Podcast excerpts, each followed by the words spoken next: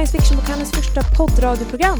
Jag heter Signe Karlberger Och jag heter Mats Claesson och ni kommer kunna höra oss en gång i månaden i tanken, kanske till och med ännu oftare om allt går vägen.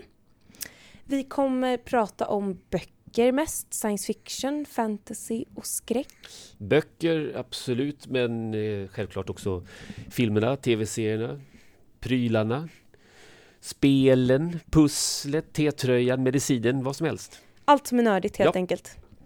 Och eh, programmen kommer innehålla intervjuer, krönikor, recensioner, topplistor, allt roligt ni kan tänka er. Nördprofilen. Och såklart Nördprofilen, Ja. vårt eget lilla påhitt. Och Mm. eh, det ska vi prata om senare. Ja. I första programmet så har jag intervjuat Kristoffer Leandoer, aktuell med fantasyromanen Namnsdagsflickan, eller kanske möjligen serieromanen, och vi pratar om fantasy och eskapism bland annat. Och jag har pratat lite med David och Linda som jobbar här och eh, intervjuat lite kunder. Vi ska göra en liten nördprofil som sagt och kolla lite på vilka är de största böckerna just nu. Mm. Och eh, på tal om det, Signe, vad läser du just nu? Jag har precis avslutat Susan Hills The Small Hand, samma författare som har skrivit The Woman in Black som precis blivit film med Daniel Radcliffe i huvudrollen. Den handlar om Adam Snow som säljer antika böcker och manuskript till miljonärer och andra. Och en dag så hamnar han på villovägen när han är på väg till en kund och eh, hamnar framför en, ett stort vitt hus mitt i en gammal trädgård och då känner han en liten barnhand i sin egen. Och det blir början på en spökhistoria där ett osynligt litet barnspöke följer med honom världen över. Otroligt spännande och välskriven kort liten spökhistoria som, eh, som jag rekommenderar till alla som klarar av lite, lite skräck sådär på kvällarna. Vad har du läst Mats? Eh, jag läser just nu, snart klar med, med Among Others av Joe Walton.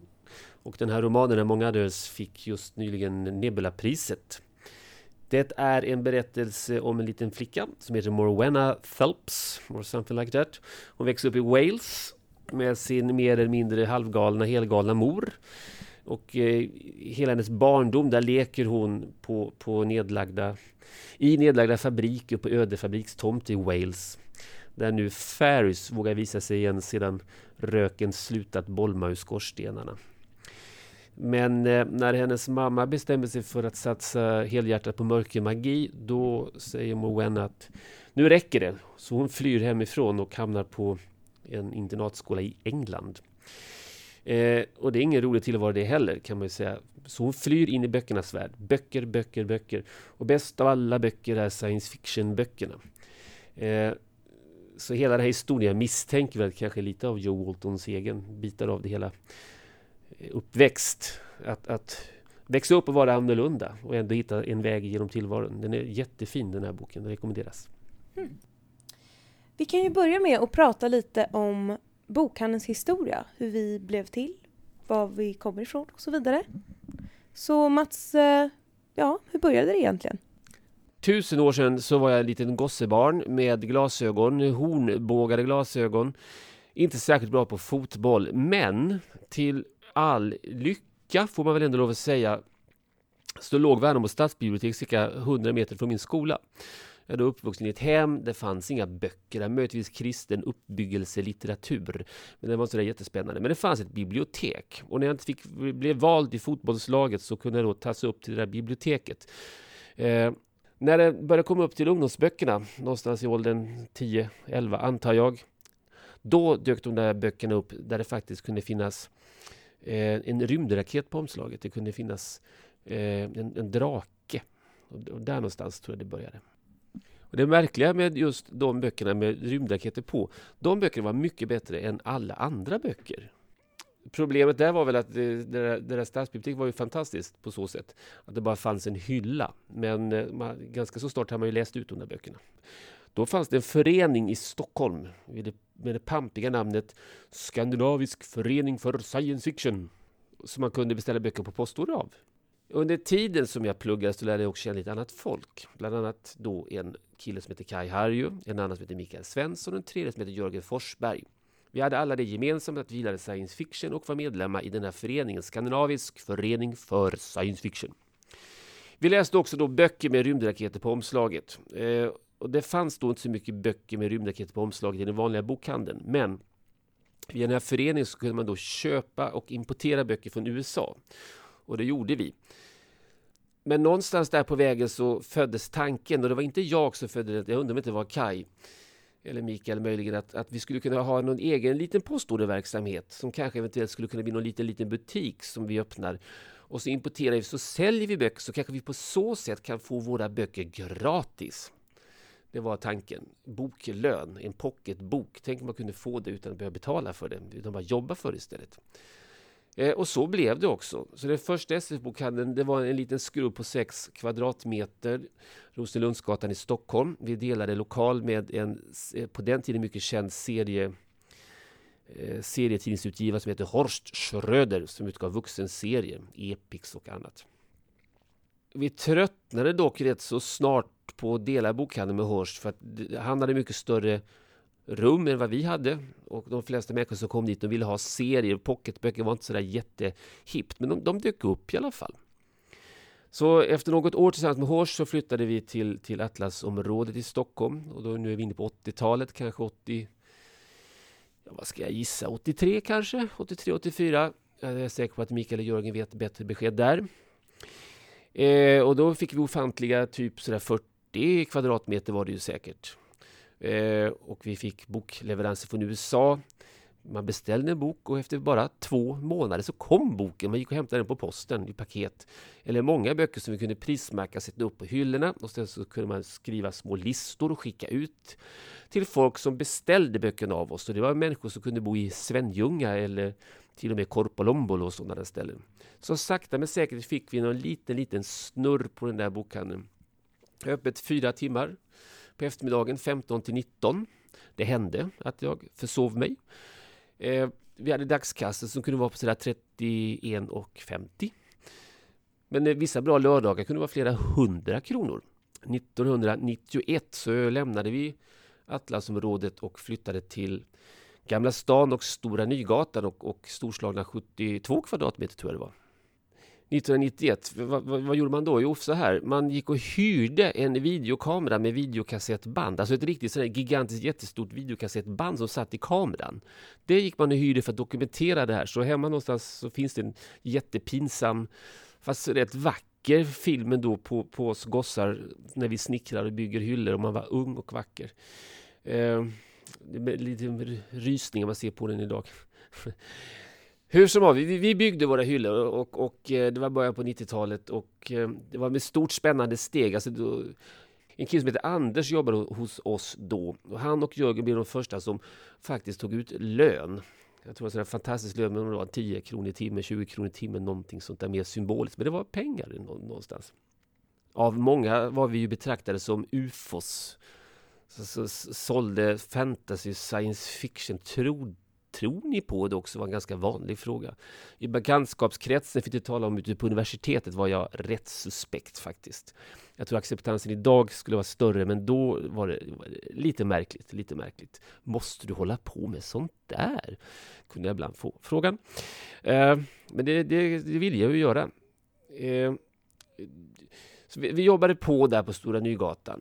Eh, när vi började bokhandeln på, på 80-talet då hette vi science fiction-bokhandeln för vi sålde mest science fiction. Två tredjedelar var SF, en tredjedel var fantasy. Men här någonstans nu i början på 90-talet så blev det precis tvärtom. Två tredjedelar fantasy, en tredjedel SF. Och fantasy då, det var ju Robert Jordan och det var David Eddings och det var Steven Donaldson och alla de där. Jag tror någonstans att det är de där serierna som har burit bokhandeln till vad vi är idag. De, har, de la grunden. Och vi var ju likadana, vi som kunde, när man började läsa del 1. Det är väl klart man måste ha del 2 och när kommer del 3 och 4?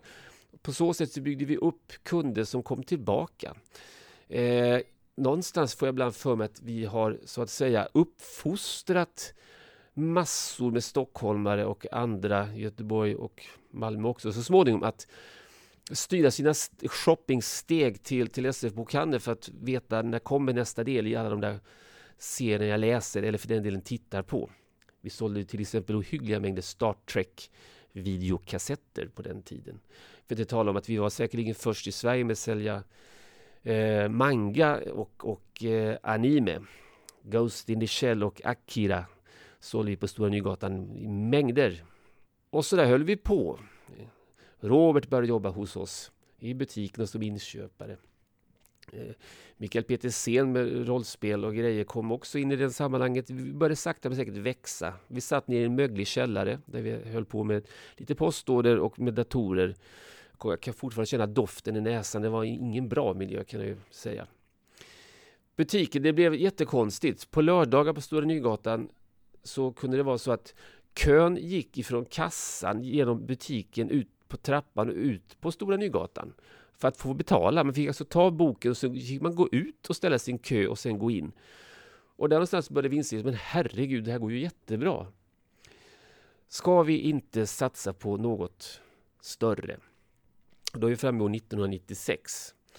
Och vi hade verkligen fyllt varenda kvadratcentimeter, jag lovar. Varenda centimeter var täckt av hyllor och prylar och böcker. Alltså det fanns inte någon, det fanns inte plats för någonting. Det fanns inte ens plats för kunderna alltså. Eh, så vi började leta efter ny lokal. Och då är vi uppe där dagens SE-bokhandel i Stockholm ligger på Västerlånggatan. Eh, och från 72 kvadratmeter till den här lokalen, det var ju, det var ju, det var inte rimligt. Men jag kommer ihåg, jag och Mikael Svensson gick, läste i tidningen en annons om denna lokal. Vi kan ju gå och titta i alla fall gick vi in bakvägen och kom in i gammalt eh, pentry eller någonting sådär väldigt mörkt dystert. Så öppnades en dörr så kom vi in till en jättestor lokal med trappa och övervåning. Vi bara stod och tittade, bara häpnade. Kristallkronor hängde i taket. Och det var speglar och det var ljusgång och det var så här, Det här är ju inte sant. Så det, det, det här ska det vara.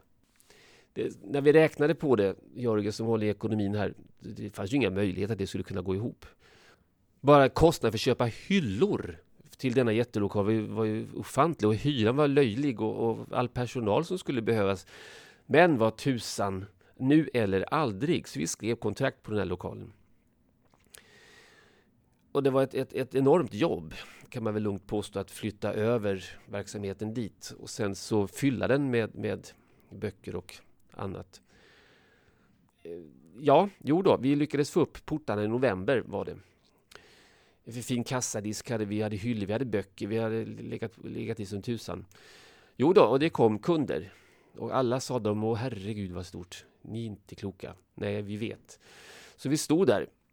Eh, då hade inte övervåningen öppen utan det var bara ett stort gigantiskt lager med en stor soffa där man kunde gå och lägga sig. Där det idag är spelavdelning alltså. Och, och eh, Jörgen räknade ut, kommer jag ihåg, hur mycket en dagskassa måste vara för att vi skulle gå runt. Och eh, det visade sig ganska snart att det gick runt. Det gick till och med lite bättre än runt. Så vi fortsatte jobba där, blev, blev lite mer personal. Postorderverksamheten växte lite grann. Som en kul kuriosa kan jag nämna, jag tror det var 1995, alltså ett år före flytten, som vi förmodligen var den första i Sverige att börja sälja, lägga ut vårt sortiment på internet. Så man kunde koppla upp sig mot datorn och titta vad vi hade. Det var inga bilder eller någonting, det var bara text. Men det gick och så kunde man mejla till oss att jag vill ha de här böckerna. Vad ska jag berätta vidare där? Att vi så småningom öppnade upp den där övervåningen. Det blev en spelavdelning. Vi blev ganska mycket personal. Eh, vi växte på alla håll och kanter. Vi låg väl, antar jag, på något plan rätt i tiden. Fantasy var fortfarande stort. DVD-avdelningen växte. Allt med, med, Star Trek, Star Wars etc. etc. Självklart. X-Files var jättestort hos oss. Vi kopplar på prylarna, men vi har hela tiden hållit oss till vårt eh, vår, jag är brist på annat, affärsidé, nämligen att det får inte vara verkligt. Ingenting som är realistiskt hör hemma i SF-bokhandeln. Utan det ska helst falla under genren fantasy, science fiction eller skräck. Magisk realism funkar också och diverse annat. Men det, ska vara, det får inte vara verkligt. Därav följer då den något märkliga att, att eh, årets nobelpristagare har inte vi. För det är inte fantasy och science fiction. Och det funkar jättebra. Då tänkte jag att vi kunde ta och titta på vilka böcker som är mest populära just nu. Vi tar och tittar på våra topplistor som precis publicerats på vår hemsida. Och där kan vi se på den engelska topplistan att det är flera stora författare som kommit ut med nya böcker. Eh, Stephen King till exempel återvänder till Dark Tower-serien med Win Through the Keyhole. Sen har vi massa stora fantasy-titlar i pocket, bland annat Abercrombies Heroes, Trudy Canavans The Rogue och Patrick Rothfuss Wise Man's Fear. Sen har vi också fått in senaste boken i Horace Heresy-serien, Primarks, del 20 har den kommit till om ni kan tänka er det. Och Charlene Harris har kommit ut med en ny Suki Stackhouse-bok fylld med vampyrer. Deadlocked heter den den här gången. Eh, men det är två författare som stort dominerar listan. George R. R. Martin med sin A Song of Ice and Fire har fem böcker med på topplistan och kammar hem första platsen med senaste delen A Dance with Dragons. Och han är såklart populär på grund av den utmärkta tv-serien Game of Thrones som är på sin andra säsong just nu. Den andra stora författaren är Susan Collins och efter succén med Hunger Games-filmen så är ju hennes trilogi mer populär än någonsin. Den kan man till exempel köpa i en billig box med alla tre böckerna. Om vi går över och kollar på den svenska topplistan så ser det väldigt likt ut där faktiskt. George Martins tre första böcker finns återigen på svenska i pocket och fjärde boken finns också översatt nu och finns inbunden. Susan Collins trilogi finns också på svenska, Hungerspelen. Men sen har vi också tre andra populära författare på listan. Erik Granströms två böcker i krönikan om den femte konfluxen, Svavelvinter och Slaktare små, finns nu att köpa i pocket. Och den populära ryska författaren Glukovskis tunnelbane postapokalyps Metro 2033 och Metro 2034 finns i pocket. Men sen har, har vi också fått in eh, Resan till ljuset av Andrei Jakov som utspelar sig i samma universum som Metro 2033. Högst upp på listan hittar vi Eld som är uppföljaren till häxboken Cirkeln som vi har i pocket nu. Och de är såklart skrivna av våra nya stora svenska fantasyduo Sara Bergmark Elfgren och Mats Strandberg. Jättekul tycker vi.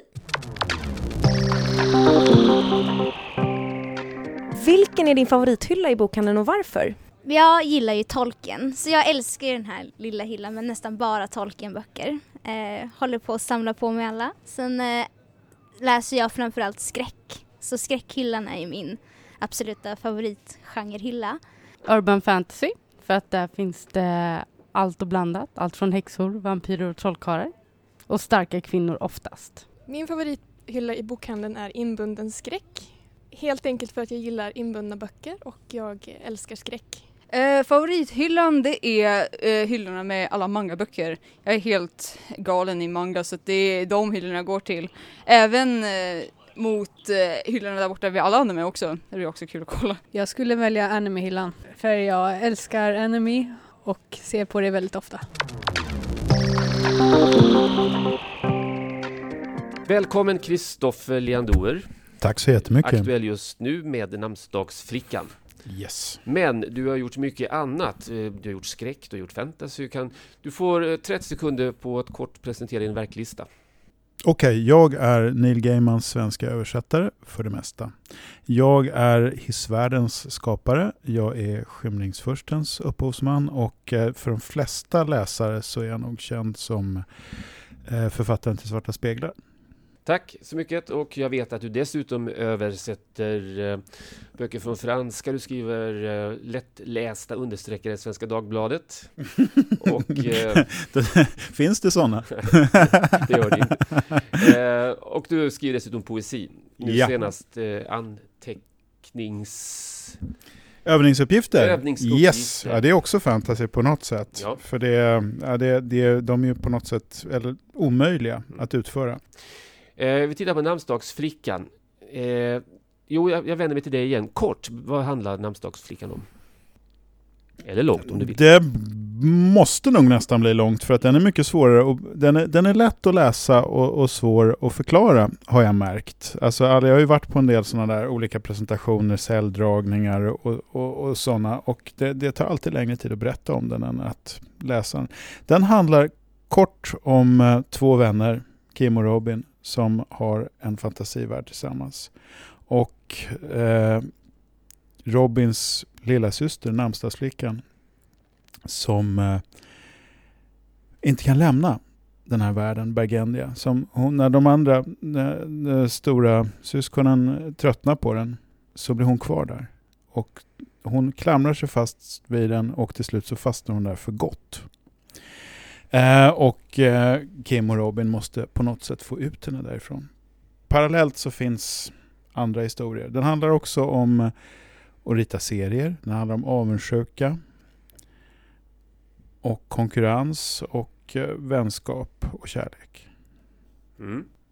Eh, så här, jag tänker att det finns en här, ett här och nu, en omedelbart igenkännlig verklighet som boken utgår ifrån. Senast har vi som du nämnde Bergandia Ja, som är en, en fantasivärld. kanske. Kanske, för, precis. Parallellvärld kan man säga. Ja, det skulle vi kunna kalla det. Eh, för den förefaller faktiskt ha någon sorts oberoende existens. Jag skulle vilja säga att de tror att de hittar på den, mm, men att kan, i själva verket kanske de bara upptäcker den. mm. Det, om, om vi tittar på det ett varv till. I Bergandia så finns det ytterligare en värld. Skulle jag vilja säga. Och det är den här världen Länderna i väster. Ja, och även så när man, man eh, en, på drömskeppet Ja, där man kan befinna sig eh, när man faktiskt är död fast in, ändå inte riktigt. I fantasivärlden finns det någon sorts limbo, ett dödsrike. mm. Eh, och sen kan jag gå ett varv till. I dödsriket finns det dessutom någon sorts sömnens rike som är någon sorts nivå ytterligare. Eller? Mm. Ja men så är det. Så är det. Det, det är, eh, hela boken på något sätt kretsar kring de här gränstillstånden mellan, eh, när man är just mell, i, dörr, i dörröppningen mellan vaken och sovande, mellan fantasi och verklighet och mellan död och liv. Mm. Eh, där jag tror att vi lullar omkring större delen av vår tid utan att kanske veta det. Men en stor, en stor del, av, eh, stor del av, av vår hjärna tror jag upptas av de tillstånden. Och jag tror att där, har vi, där, där, är vi mycket, där är vi mycket duktigare än vi är här. Duktigare. Eh, Ja, jag tror att vi har tillgång till större, större, större del av oss själva i, i sovande eller halvvaket Mm. eller, eh, eller hypnotiserat för den delen tillstånd än, än vi har här där vi är så distraherade av så mycket annat. Huvud, eh, en av dina huvudpersoner, eller huvudperson, namnsdagsflickan, fastnar kan man säga, jag tror du sa det själv alldeles nyss, Mhm. eller hur? Hon fastnar i Bagandia i den eventuella fantasivärlden. Mm. Eh, hur då fastnar? Nej, hon, eh, i, i vår, vår värld så ramlar hon ner för en trappa på Konstfack eh, och slår i huvudet och hamnar i koma. Och eh, ligger på Södersjukhuset i koma. Och då kommer hon ju ingenstans. Och det, är, det, är, det är Robin som förstår att hon befinner sig i, i Bergendia. Ja, hon kommer, hon, hon, eh, hon kommer inte ut därifrån eftersom hon ligger i koma. Vi ska inte komplicera det här. Jo, det ska vi, för det är lite komplicerat och därför är det så roligt att läsa namnsdagsflickan. För att eh, det finns ju då så att säga den här komavärlden också då, skulle man Mm. kunna säga. Va? Eh, och så har vi då Bagandas med fantasivärld som delas av namnsdagsflickan, av Kim och av Robin. De skapar den gemensamt. Eh, men men eh, vad följer därav? Att kan, man, kan man dela en fantasivärld och skapa den tillsammans? på lika villkor? Eller vad är det som sker? Nej, alltså det, det, är, det finns ju naturligtvis eh, paralleller till eh, religiösa rörelser eller politiska rörelser som också är då när människor ska samlas om någonting fiktivt eller, eller icke, icke påtagligt så blir det ju en, en förhandlingsfråga. Verkligheten i Bergendia blir ju då en förhandlingsfråga mellan de här tre. Och de, de, eh, de, de får kompromissa och förhandla och bråka med varandra om vad som gäller och vilka, vilka varelser som får finnas och hur höga bergen är och hur, vilka som vinner krigen och så vidare. Ungefär som eh, olika kyrkomöten på 300-talet diskuterade om eh, Jesus var född eller inte född och olika status där. Så att det fantasy delar ju det med, med religion mm. och med politik skulle jag vilja säga. Mm. Eh, att just man kan förhandla sig fram till, till verkligheten. Men sen skulle jag vilja säga att det finns ju en annan, det är ju samma sak i, dröm, i drömskeppen.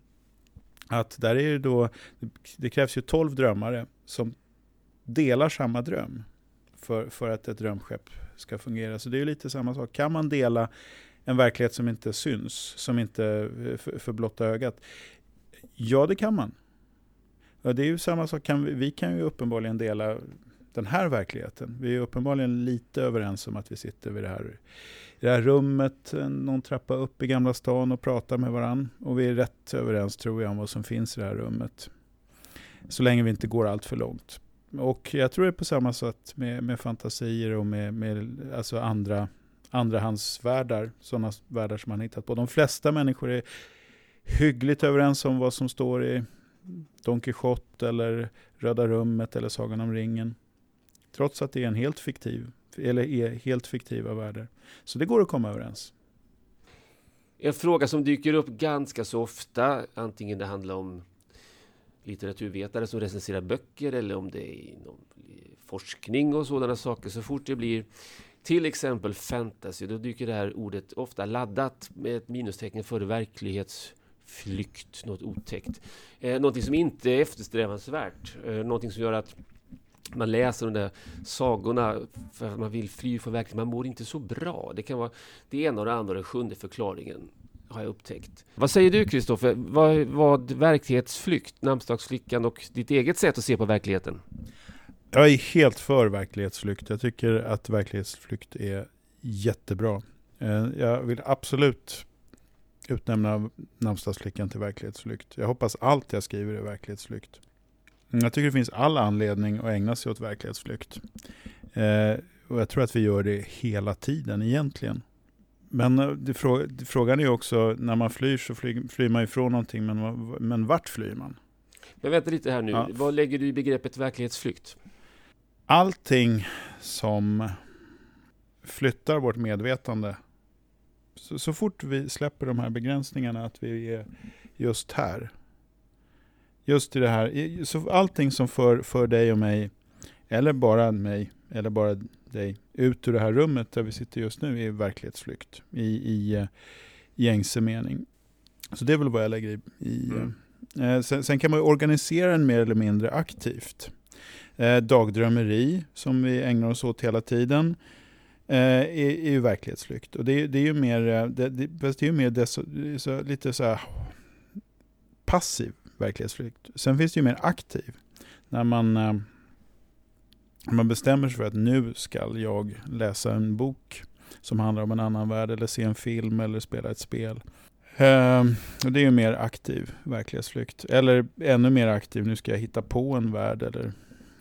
Ja, för nå någonstans, om jag får avbryta det kort, eh, tänker jag så här ibland när jag ställs inför den där diskussionen att överhuvudtaget läsa en bok måste ju rimligen betraktas som verklighetsflykt. Antingen jag läser Namnsdagsflickan eller säg att jag sitter och läser eh, Ja, vad ska vi hitta på? Vi kan hitta på någonting av Vilhelm Moberg, Utvandrarna mm. till exempel. Jag menar, även om jag läser Utvandrarna, jag kommer hem så sitter jag i min läsfåtölj, jag kan ha en skål ostbågar, ett glas vatten, kola, någonting sånt där och läser om Utvandrarna.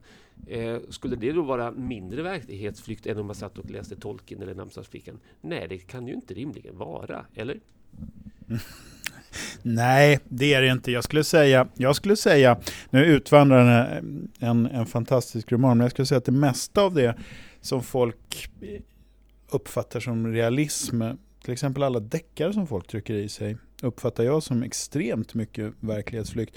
För att det, alltså i, i dålig bemärkelse då, för att det de flesta deckare, de flesta realistiska böcker stryker en massa fördomar som man har om och, och sådana här klichéer om könsroller och, och, och hur folk från olika samhällsklasser och, och, och länder och ursprung beter sig eh, medhårs. Och medan fantasy för det mesta, när man, när man eh, utmana våra så här slentrianföreställningar om, om, om kön och makt och, och klass och så och får en att tänka, nej men ha, det kanske är så istället. Och det är mycket mer, alltså, och bra verklighetsflykt, eller tvingar en ju att just se sin, sin egen verklighet och sin vardag på, på med nya ögon. Och det, det är aktiverande och det, det är ju det blir man en intelligentare och moraliskt bättre och mer engagerad människa av, skulle jag säga. Ja. Eh, Medan det här, eh, allt som bara säger så här, det är precis som du tror att det är. Det, det tror jag är förslappande mm. och kass. Så, så, sålunda finns det, det finns bra och det finns dålig verklighetsflykt. Det, det, finns, det finns en gradskillnad där, eller hur? Jag är rädd för att jag sa det. Ja, det jag, jag, jag, jag, vet inte alls om jag vill stå för det, men det, det får jag väl göra. Mm, mm ja, okej, okay, ja det gör det. Ja. Det gör det, så är det. eh. Harry Potter är bra verklighetsflykt. Ja. Tror jag. Det, jo, det är det. Ja, ja. ja du ser.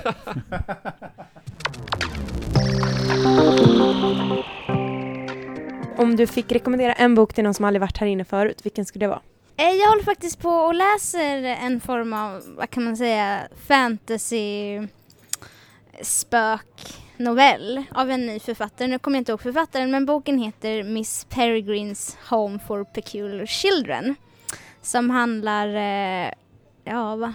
Den handlar om en 16-åring som eh, hittar en massa konstiga kort och brev från hans avlidne morfar eh, och bestämmer sig för att åka till den här ön eh, som, eh, det finns ett, ett gammalt hus där hans morfar bodde, där det hände en massa konstiga saker. Så händer en massa konstiga grejer i boken också som är rätt spännande. Eh, Kelle Armstrong och eh, Bitten ska det vara. Första delen i en serie på 13. Justin Cronin's The Passage, för den är både skräck och science fiction. Uh, det som är väldigt populärt och uh, omkring i min manga som typ alla kan ta upp och läsa oavsett om man gillar det eller inte skulle jag rekommendera Death Note. Um, väldigt eh, populär. Eh, den, den, funkar för alla, även jag som inte brukar läsa den typen av genre av manga tycker den är suverän. Jag skulle välja Naruto som är en manga. Jag tycker den är väldigt sant och har en väldigt fin storyline då. Okej, om, om vi då, då är inne på lite verklighetsflykt, om vi tittar på, inventera bara lite kort. Mm. olika sätt att, att hitta till en annan värld, mm. så att säga. Eh, det här tycker jag är fantastiskt bra, i så fall verklighetsflykt. Philip Pullman. Ja. Där man då, du använder dig av drömmen, du mm. använder dig av eh, Slag i huvudet. Slag i huvudet, precis. Mm. Philip Pullman använder sig av en väldigt vass kniv. Ja. Vart tog garderoben vägen? Garderoben är det det du vill veta? Ja precis, garderoben är ju Louis naturligtvis. Ja precis, jag menar vart tog, vart tog det trevliga, man går in i en garderob ja. och helt plötsligt kommer man ut i en annan värld. Varför måste man få slag i huvudet och vassa knivar och... Ja. Alltså jag har ju ett annat sätt också faktiskt, om man ska vara helt ärlig, och det är ju faktiskt genom att genom att helt enkelt använda en penna och rita. Ja, och, jag tänkte komma. Ja, tack. och det, det är ju då och man behöver ju faktiskt inte ens, nu börjar jag låta som sådana här gamla punkfanzines, man behöver ju inte ens kunna rita för, för att göra det. Man kan ju skriva också, mm. och det kan ju de flesta av oss. Mm. Det, är det, det är det enklaste sättet att faktiskt ta sig till en annan värld. Och det är att hitta på den själv. Skapa den själv, ja. Antingen yes. ritar eller skriver eller... Och sen så kan man då vidare, om man vill ha någon berättarteknisk variant, så kan man använda sig av ett slag i huvudet, av sömn, av speglar, av... Mm eller, eller um, det, uh, man kan dö. Ja, just det. Det är ju faktiskt det klassiska, mm, mm, det, det, är det allra mest klassiska mm. sättet att, att förflyttas till, eh, till, till en annan värld mm. som är, sitter djupast i vår kultur. Och um, drömmen, drömmen och, eh, eller sömnen och döden är ju, är ju släkt enligt den grekiska mytologin. Så sömnen är en slags uh, död light. Så, så det, de, är ju gräns, de gränsar ju till varandra, de där tillstånden. Eh, och i Namnsdagsflickan så är det lite, ja, det, det, är en slags soft variant av döden där som är lite så här, den är inte riktigt permanent. Man, Det är, det är inte säkert att man är, man är död. Det är lite hur man sköter det. Mm. Och det är väl lite nära den kristna Mm. uppfattningen om döden också. Bland det mest fascinerande i namnsdagsflickan är när Liana befinner sig på, ombord på skeppet och är i dödsriket. Hon varken död eller levande, någon sorts limbo. Mm. Och tvingas konfronteras med sig själv, det vill säga sin sovande döda kropp. Mm. Och värjer sig mot detta. Jag tycker det Mm. är oerhört starka bilder. Och levande skildrat, så att säga, fast det är dött. Mm. Men det är ju eh, mycket av det där, hela idén med länderna i väster och, och så, det är ju, det har jag ju lite snott ifrån från egyptisk my- mytologi. Eh, där, där, där själen efter, efter döden, det är då det börjar, det Mm. jobbiga för själen, som den här långa resan. Så det, det finns ju en föreställning om den där, att, att, ehm, a- att man gör en sån resa. Mm. Det, det är lite shamanism också. Mm. Här. Som författare, som i egenskap av fantasyförfattare, eh, känner du helt fri och du helt ogenerat lånar stoff, idéer, till exempel från egyptisk mytologi, Mm. ifrån eh, fornnordisk shamanism etc. etc. Du, Ja, det tycker jag nog. mm. Eh, I alla fall eh, fr- från... Det gör man ju ändå. Alla historier handlar ju ändå om samma saker i stort sett. När man kokar ner det tillräckligt långt så, så handlar det om att vara född och död. Och då är vi på mytologisk Ja. mark. Ja, det, det, är vad vi, Mm. det vad vi snurrar kring i alla Ja. fall. Man kan lika gärna vara medveten om att man, Mm. man gör det. Jag som namnsdagsflickan har som ett av sina teman just döden. Mm. Eller dödens närhet i alla fall. Ja. Så hamnar man gärna där förstås. Ja. Mm, mm. Ytterligare en verklighet. Den där superhjälteverkligheten som finns, Cassandra Karat. Berätta Mm. någonting om den. I förutsättningarna för namnsdagsflickan från början ingick att den, den skulle vara en, en grafisk roman. Och ehm, att den skulle innehålla element av eh, bilder och, eh, och serier. Och jag tänkte att eh, jag försökte komma på ett sätt som skulle göra det rimligt att, att göra det. Och då, då, det enda jag kunde komma på att men då får den handla om folk som ritar serier. Mm. Och då blev det Ehm, och då, då, då ville jag att de skulle göra superhjälteserier för att det är de mest serieaktiga serierna. Det är de mest typiska serierna. Och det, det stämde också med mitt när jag tänkte varför, varför gör man saker överhuvudtaget? Varför skapar, varför hittar man på världar? Jo men det är för att man vill att de ska finnas. Mm. Man behöver dem. Mm. Och vad, det är klart vi behöver superhjältar. Mm. Det, eh, man, man, man, eh, man hittar på det man behöver ska finnas helt enkelt, tänkte jag. Och sen, eh, sen, var, det, sen var det roligt för att, eh, att göra en superhjälte som jag ville att den skulle vara. Näm, eh, till att börja med tjej. Och t- sen så att hon faktiskt bor i Stockholm, på någon, tak, någon takås i Stockholm. Det är lite, det är lite eh, ja, det är ju inte Karlsson på taket på något sätt, men det är lite, hon bor ungefär, man kan tänka sig att hon bor ungefär som Karlsson Mm. på någon takås i, i, på Söder eller Vasastan. Kort avbrott, jag, jag håller med. Ja. Efter att ha läst miljoners, miljoners superhjälteserier, Marvel Comics, DC Comics, allihop dessa. New York är en odefinierad stad. Ja. Så jättekul med superhjälte på Stockholms taknockar. Ja, jag tänkte Gotham i all ära liksom, men, men Stockholm kan också vara, funka som Gotham. Fast, fast med, med det här lilla extra att vi faktiskt vet var vi är någonstans. Att hon springer in på stadsbiblioteket när hon ska läsa upp sig på, på, på läsa in sig på något. Um, men sen, sen det roligaste med, med Cassandra det var faktiskt att hitta på, på skurkarna. Och försöka hitta på så, så läskiga skurkar som möjligt. Och då, då, gick jag, då gick jag på mina egna mardrömmar. Rakt av. Ehm, de här skugghoven till exempel. Mm. De är ju faktiskt genuint otäcka. Och den här, den här mask, masken som är, som är då som har då ansiktets an, som, som en mask och, och en mask som sitt riktiga ansikte. Det är också, det är också jätteläskigt. Hur, men då är vi inne på, vi måste ju, vi kan inte bara sitta här och vi måste nämna Åsa Ekström naturligtvis som har gjort har illustrerat just den här superhjälteserien och, och mycket rikligt illustrerat hela boken. Och Ja, det måste vi. Ja, Och du, hej Åsa om du hör detta. Ja, verkligen. Fantastiskt jobb. Fantastiskt.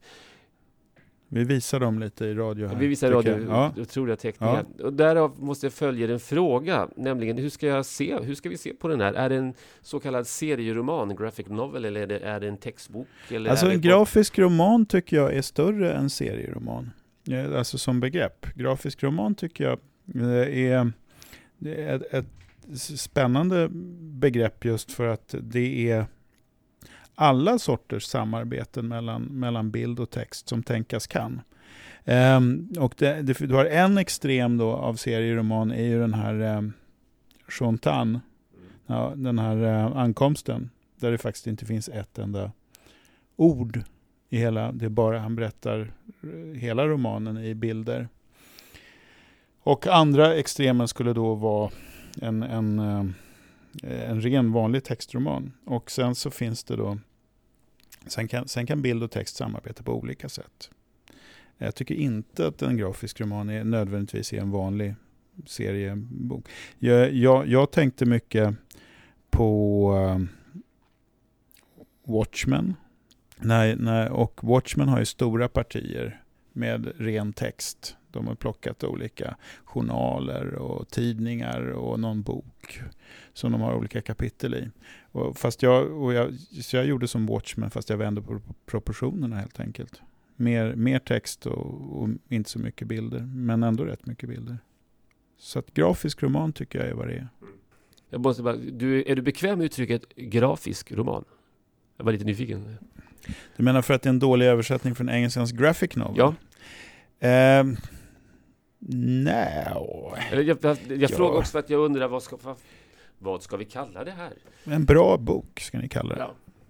Och, grafisk, och serieromaner, grafiska romaner i största allmänhet? Nej, serieroman är det ju inte. Det, Ja. det, det är det absolut inte. Det, är det något på svenska så är det en grafisk roman. Mm. Det, ja, jag kan inte komma på något bättre. Eh, så, så att jag är halvbekväm med det. Mm. I Eh, brist på bättre som allt annat. Ja. Men har du inte gjort ett misstag ändå trots allt? Eh, den har början, den har mitt och den har ett slut. Det, det kan, kan det bli någon fortsättning på det här? Jag skulle tycka det var jätteroligt, men jag ser Ja. inte någon riktigt naturlig... Nej men alltså, ja. om, här får jag ju lust att komma med väldigt mycket sådana här, vad heter de, spoilers. Men det får Mm. man inte göra. Eh, men det är klart att det inte kan bli en fortsättning på den. Eh, på, i, I vanlig mening. Eh, inte som jag kan komma på i alla fall. Jag är lite... Den, är- det är ju, den är ju verkligen en avslutad Ja, berättelse Det det. på alla sätt och vis. Den, för, eftersom den ganska mycket handlar om att, att växa upp. Mm. Och eh, du kan ju inte... Så att de, en, en tvåa får ju börja med att slå dem i huvudet Mm. rejält mycket alla tre. Så att de liksom flyttar tillbaks lite i utvecklingen. Men man kan tänka sig vad, vad jag tror, vad jag har lust att återvända till är, är ju den här världen Ja. och dess förhållande till vår värld. Jag tror att, jag tror att Bergendia finns och att Bergendia liksom letar efter människor som kan ta hand om den i vår värld. Länkar liksom. Mm. Och, och det kan väl finnas fler. Eh, sen är jag inte riktigt säker på jag tror inte det är färdigt. Kim och Robin känns ganska... De får klara sig själva. Men eh, namnsdagsflickan känns ju inte riktigt... Man är lite nyfiken på Ja. vad, vad, vad hon tar sig för. Ja, så därför att Nej, jag menar faktiskt att den har börjat mitt och slut och det är bra. Mm. Det är en avsedd berättelse. Eh, Man kan ju bli väldigt trött också på att allting ska vara del 1, 2, 3, 4, 5, 12. Ja. Eh, aldrig tar slut. Och det här tar slut. Men det- det jag är ute efter där är, det är just världen, Bergandia, som är man märker när man läser boken, den är, den är genomtänkt. Det finns hur mycket som helst kvar att upptäcka där. Och den världen skulle jag gärna vilja stöta på igen. Ja, där har ju den, den det är alltså Bergendia har ju funnits mycket, mycket längre än den här boken har funnits i, i mitt huvud. Som, som, eh, som idé Mm. Så har den funnits mycket, mycket längre. Och det här är ju bara, jag har bara plockat lite i hörnen av den så att Mm. säga. Det, det finns ju hur mycket kvar att berätta som helst. Ja, kan du inte göra det? Ja, det kan jag väl. Tack så mycket Kristoffer för att du kom hit. Tack för att jag fick komma. Nördprofilen.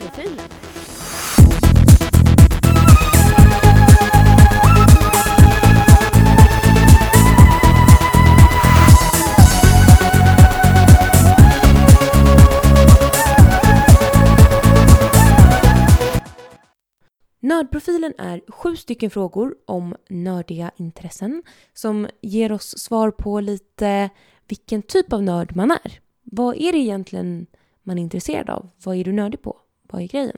Så att eh, den kommer vi köra en nördprofil varje avsnitt. Och eh, jag tänkte att eh, mig kommer ni få höra en hel del av eftersom jag kommer hålla i det här. Så att eh, det kanske är bäst om jag svarar på dem först så att ni vet vilken typ av nörd jag är så att jag inte skräms eller så. Okej, då kör vi. Läser just nu. Jag har precis börjat läsa The Martian Chronicles av mästaren Ray Bradbury och har dessutom plöjt igenom alla 19 delar av den helt fantastiska mangan 20th Century Boys. Och jag väntar tålmodigt på den 20 delen som gärna får komma imorgon. Ser just nu. Eh, Just nu tittar jag på Being Human säsong 4. Eh, Men jag försöker också hålla mig up to date med ungefär 2679 tv-serier. Eh, Bland annat Supernatural, Game of Thrones och eh, Community. Ser mest fram emot. Ja, nej, jag tror september blir en bra månad. Eh, Förutom att jag firar min 23 födelsedag så släpps säsong 4 av Fringe och Sons of Anarchy. Och eh, nya säsongen börjar av Downton Abbey och förhoppningsvis Being Human och Misfits. Eller? Stör dig mest på. Ja, jag står mig mest på att amerikanerna är så långsamma på att få ut sina serier på DVD. Jag menar, om engelsmännen kan få ut Misfits en vecka efter att sista avsnittet släpps på TV så fattar inte jag varför jag måste vänta i månad ut och månad in på Fringe säsong 4. Kom igen! Något nördigt du vet allt om. Ja, jag är Harry Potter-nörd, men jag har också läst allt av Neil Gaiman och jag älskar Battlestar Galactica. Första nördupplevelsen. Det är nog när jag läste hela Os-serien, alla 14 böckerna av Trollkarlen från Oz, när jag var jätteliten. I en, en sommar i hängmattan så hade jag läst igenom hela serien och det var nog det som fick mig att bli intresserad av fantasy från början. Högsta nörddröm. Ja, men det är väl att skriva en bok såklart. Men att ha ett eget rymdskepp vore ju rätt coolt alltså. Jag säger skriva en, en bok i min egen Battlestar.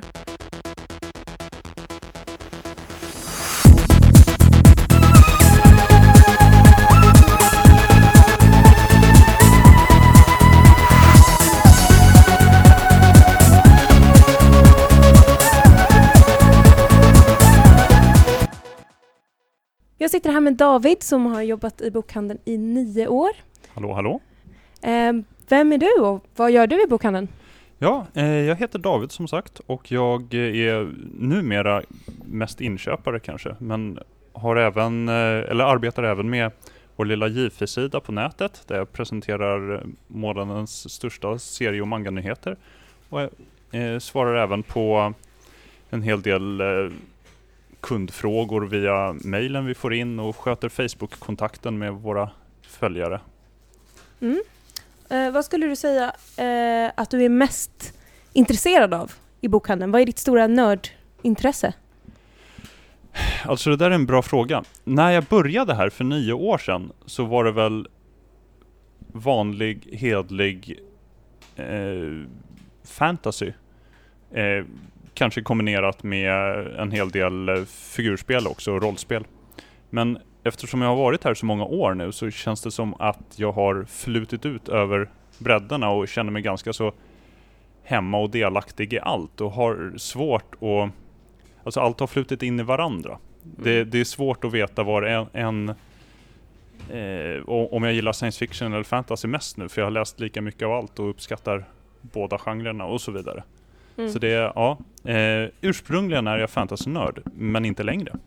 Det är väl lite så det blir när man jobbar i bokhandeln, att man alla tipsar alla och sen så Ja, börjar man Förmodligen. ha svårt att sätta sig själv i Ja, i jag alla är fall den när man här har typen. l- läst, läst det mesta av det bästa i sin favoritgenre och letar sig ut över, genregränserna efter några år. Mm, precis. Ehm, som du sa så jobbar du mycket med Facebook-kontakten och svarar på frågor, mejlen och sådär. Mm. Ehm, vad skulle du säga är den vanligaste frågan du får? Oj, vanligaste frågan. Eh, det kan väl förmodligen vara, hej, eh, jag har sett den här saken, är det någonting ni kan ta in? Mm. Och eh, ja, i, i de flesta fall så är det ju det. Mm. Eh, så det är kul att kunna hjälpa till. Sen är det väldigt många som även frågar om Oj, oj, oj, jag såg den här i er butik. Eh, jag har inte lön nu utan förrän om en vecka. Kan ni lägga undan den här saken till mig till dess? Och det, då har vi en policy om att lägga undan över dagen max, max dagen, dagen efter. Så Mm. då gäller det att informera om det. Se Mm. om man kan göra kunden glad ändå. Eh, och eh, på, på Facebook-sidan så är det ofta du som skriver de här små eh, roliga texterna med nyheter från nördvärlden eh, Mm, och lite precis. tävlingar och sådana grejer. Ja. Eh, vad är det största, hur mycket svar har du fått där som mest? Eh, oj. Eh, tävlingarna har ju varit absolut populärast. Då vi har fått över eh, 300-400 svar ibland. Men eh, om man bortser dem så har det väl nog varit dels den lilla i grunden oskyldiga frågan vilken som är din favoritdrake som fick väldigt, väldigt många svar. Väldigt många roliga drakar dök upp. Eh, och sen så var det eh, nu för någon dag sedan eller två bara så informerade jag att eh, eh ja, det ska komma en ny filmatisering förmodligen eh, med eh, av eh, Bröderna Lejonhjärta med Thomas Alfredsson i, eh, bakom rodret. Och det genererade ju väldigt mycket eh, glada och ledsna kommentarer, både och. Ja, jag vet inte vad jag vågar, jag vet inte om jag vågar hoppas på det. Vad tror du? Ja, eh, jo, jag vågar hoppas. Alltså så mycket sämre än den från, filmen från 77 kan den ju inte bli. Om man tar bort Ja. nostalgiglasögonen. Men, om, man, eh, om man gör det ja. Ja, Det är ändå någonting man växt upp med. Det är lite läskigt när någon annan kommer och petar i det. ja jo det är det. Eh, och jag, nu, nu har inte jag så himla mycket känslor inför just Bröderna Lejonhjärta, men om de skulle ge sig på exempelvis Ronja Rövardotter så skulle jag ju Mm. kanske bli lite upprörd, för den tycker jag verkligen, verkligen om. Mm. Ja, det skulle jag också tycka var jobbigt. Jag tycker det är roligt att vi kan ha så mycket kontakt med folk över Facebook-sidan, för alla finns ju på Facebook och alla kan liksom skriva en liten rad om en drake de gillar eller om en film som kommer komma. Ja, Så- det, det är roligt att vi har fått sånt bra, sån bra respons på Facebook. Eh, för det är samtidigt ganska enkelt för oss att använda oss av Facebook också. Ja. Så det, det blir eh, roligt och enkelt på mer än ett sätt. Och då är det ju roligt att använda det också. Ja, precis. Eh, ju fler människor som eh, engagerar sig, desto roligare blir det att lägga upp saker. Desto oftare eh, kan det bli roliga diskussioner där och så vidare. Ehm, sen tänkte jag kolla bara om du har ett tips som du vill dela med dig av. Vad är det bästa den här månaden? Oj, det bästa den här månaden. Det, ja, jag vet inte. Kanske det mest intressanta den här månaden är väl att de passar på att ge ut eh, Batman Nightfall.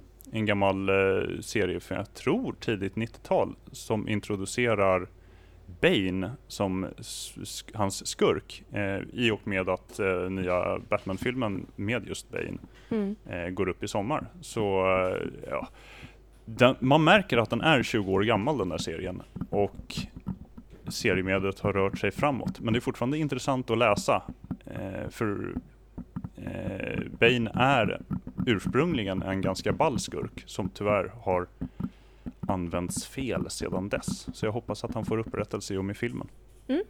Tack så mycket David. Varsågod.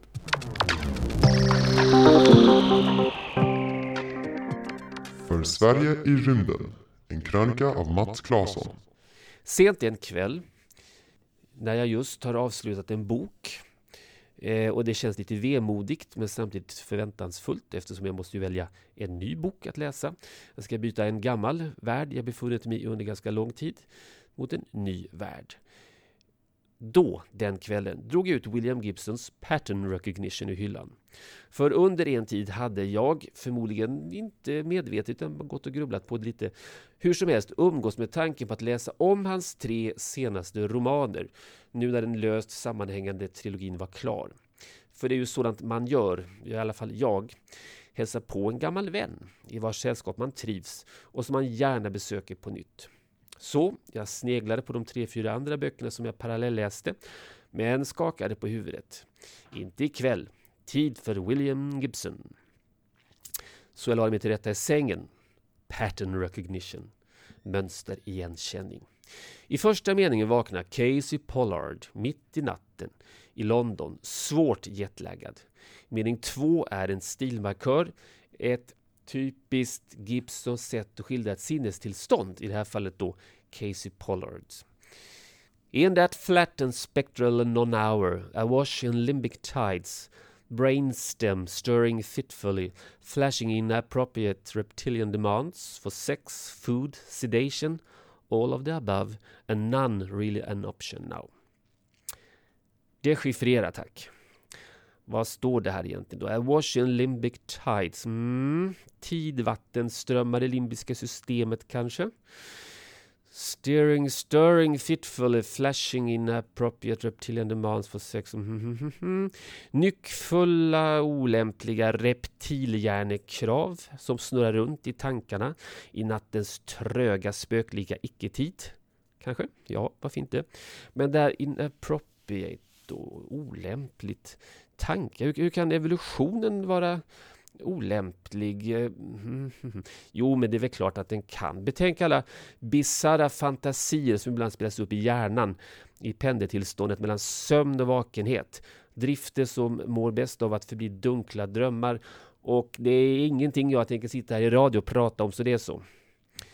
Så, så här är det med Gibson, tycker jag i alla fall. Det går inte alltid så fort att läsa William Gibson. För meningar kräver att bli omlästa. Bilder skapas som man måste begrunda. Och visst går det att bara läsa på, vända sida och strunta i limbiska system och reptilhjärnor. Men en dimension av läsupplevelsen försvinner. Det är som att läsa poesi. Poesi men med intrig och personskildring och allt det andra som utgör en roman. Och det är därför som det är en utmärkt idé att alltid läsa om allt vad William Gibson har skrivit. Det håller för det. Eh, intrig då? Ja, intrig verkligen. Alltså, I pattern recognition då linas intrigen kring sökandet efter skaparen av mystiska videoklipp som påträffas på nätet av hängivna beundrare. I fortsättningen Spook Country gäller det att hitta en särskild container bland hundra eller tusen andra containrar på båtar på väg från en världsdel till en annan. Och i Zero History skapas spänningen av jakten på en designer av ett superexklusivt jeansmärke. Så nej, jag läser inte Gibson för intrigen eller för att få spänningskickar. Han kan det också, men det är underordnat människorna, världen, språket och kanske framförallt detaljerna. Tittar man på Gibsons hela författarskap och kanske framförallt de tre stora trilogierna så tycker jag också här att han i sitt författarskap faller från framtiden och in i samtiden. Även om det aldrig blir ett fulländat här och nu. Det är som om man alltid är några minuter före dagsekot i P1 eller artiklarna i Wired Magazine. Eh, från skavd nött framtid i gränssnittet människa-maskin i neuromancers cybernetiska värld där städer växt ihop till enorma urbana organismer och livet helst upplevs i neurala nätverk till Virtual Lights-böckernas högteknologiska men analoga verklighet i San Francisco efter jordbävningen till då Zero Histories designade iPhone-verklighet där vi alla befinner oss idag. Men ändå, ändå inte riktigt. Så slutsats så här. Jag sörjer inte.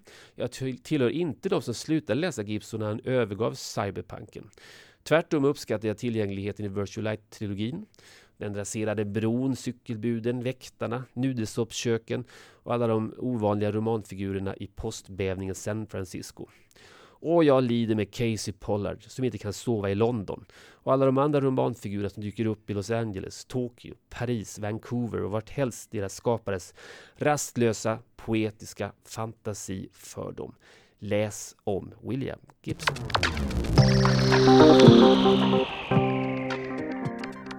Eh, jag sitter här med Linda som har jobbat i bokhandeln i 11 år. Vem är du och vad gör du? Uh, ja, jag har ju spridit ut mig över hela bokhandeln kan man säga. Eller hela Stockholmsbutiken och eh, e-handelsavdelningen. Så att jag är en av de ansvariga för e-handeln eh, och håller på med marknadsföring. Jag jobbar i butiken och eh, håller på med event, Facebook, hemsidan. Mm.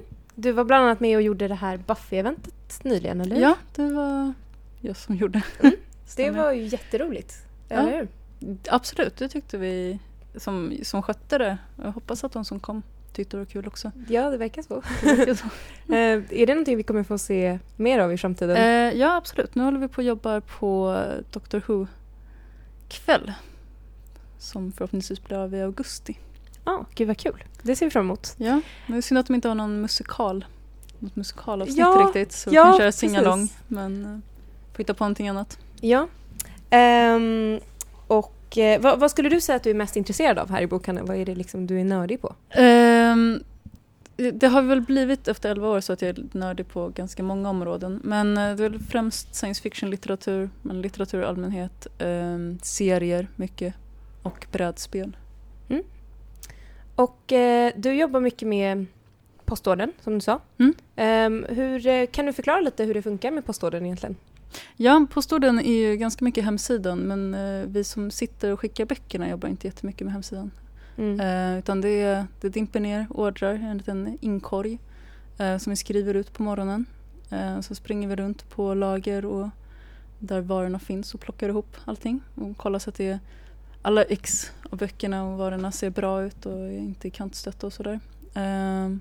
Så skickar vi ut dem till kunderna under dagen. Sen så är det ju mycket ta emot betalningar, ta emot kundfrågor, eh, se om någon ställer frågor på Facebook eller Twitter och försöka se till att alla frågor besvaras.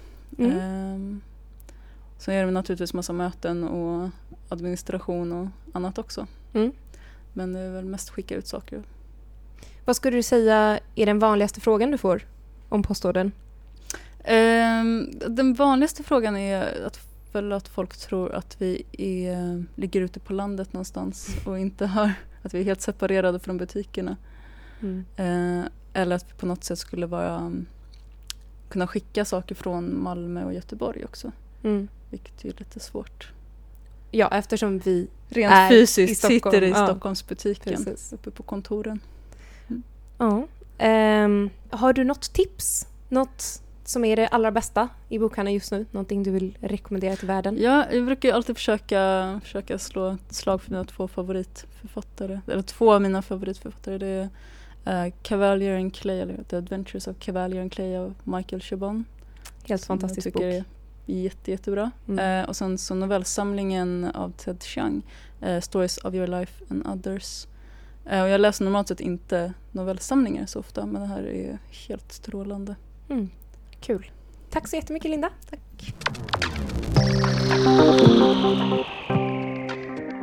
Och det var allt för oss den här gången. Hoppas att ni gillade vårt första poddradioprogram. Ni får jättegärna mejla in till oss på poddradio.sfbok.se och säga vad ni tyckte. Dessutom har vi ett gäng signerade namnsdagsflickan att lotta ut. Så om ni går in på Facebook och kommenterar statusen som finns där så har du chansen att vinna en signerad namnsdagsflickan av Kristoffer Leandor och Åsa Ekström. Jag heter Signe Karlberger och jag har gjort det här programmet tillsammans med Mats Claesson. Tack så jättemycket till Kristoffer, David och Linda och alla andra som var med. Tack till Dejan för hjälp med allt det tekniska och till Jonas Thunberg och Alexander Beler som gjort musiken till programmet. May the force be with you, live long and prosper, so say we all. Vi hörs.